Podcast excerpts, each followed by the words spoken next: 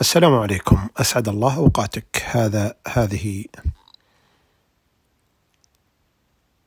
خاطرة جديدة من سلسلة جدد وعيك التعميم الذميم. هناك تعميم ذميم وهناك تعميم آه، مفيد ونافع وسيأتينا.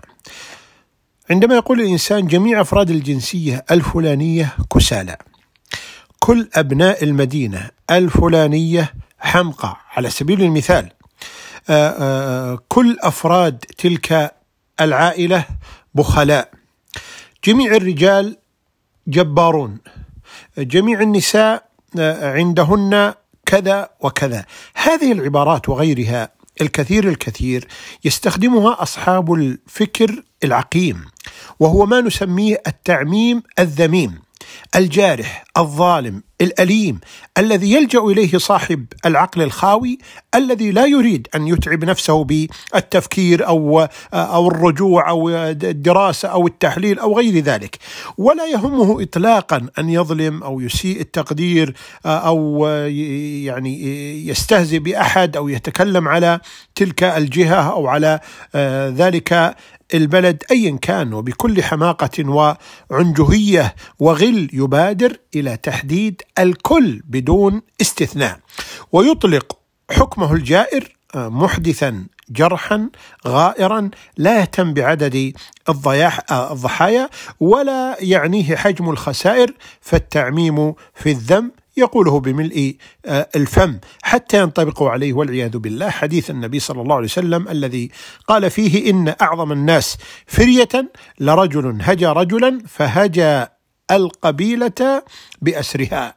وفي الحديث الآخر أن النبي صلى الله عليه وسلم قال من قال أن الناس أو هلك الناس فهو أهلكهم أو كما ورد في رواية أخرى فهو أهلكهم. ولذلك المقصود بالتعميم العبارة التي آه، تقرر انطباق حكم على جميع أفراد تلك الجهة أو المجموعة أو البلد.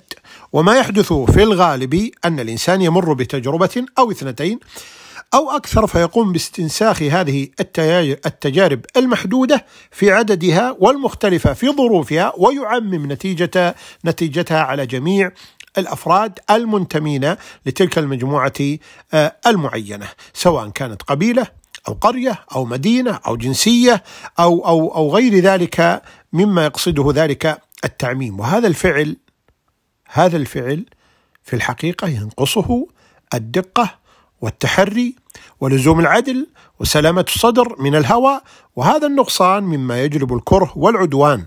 يقول ابن المقفع إذا كنت في جماعة قوم ابدا فلا تعممن جيلا من الناس أو أمة من الأمم بشتم ولا ذم. فإنك لا تدري لعلك تتناول بعض أعراض جلسائك مخطئا فلا تأمن مكافأتهم أو متعمدا فتنسب إلى السفة. ولا تذمن مع ذلك اسما من أسماء الرجال أو النساء ب أو النساء بأن تقول إن, إن هذا لقبيح من الأسماء. فإنك لا تدري لعل ذلك غير موافق لبعض جلسائك ولعله يكون بعض أسماء الأهلين والحرم.